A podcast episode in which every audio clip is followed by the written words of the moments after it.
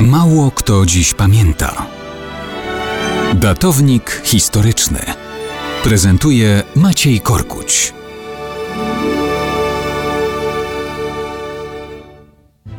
Mało kto dziś pamięta, że nie bez przyczyny o 31 grudnia mówimy, że obchodzimy Sylwestra. Ale dlaczego Sylwestra? Jakiego Sylwestra? Kim był Sylwester, którego wspomnienie przypada właśnie na 31 grudnia? Dlaczego to ten dzień jest dniem jakiegoś Sylwestra? To nie jest wiedza specjalnie skomplikowana.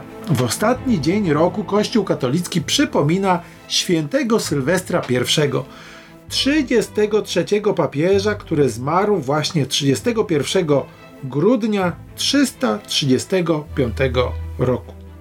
Jego papieski pontyfikat trwał 21 lat i przypadł na czas ważnych zmian w życiu chrześcijan w starożytnym Rzymie. Obywatel rzymski Sylwester, syn Rufina, miał 30 lat, kiedy przyjął święcenia diakonalne.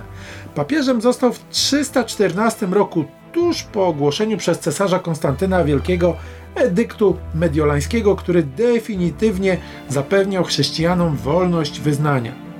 Za jego pontyfikatu odbył się pierwszy sobór w Nicei w roku 325.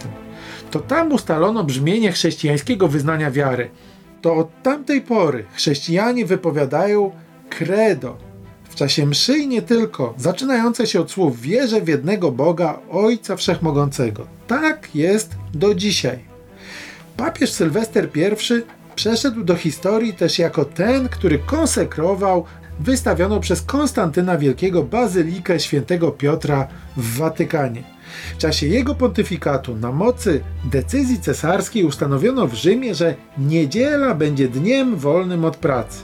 Tak więc można powiedzieć, że wolne soboty zawdzięczamy Solidarności, a wolne niedziele Konstantynowi Wielkiemu i świętemu Sylwestrowi.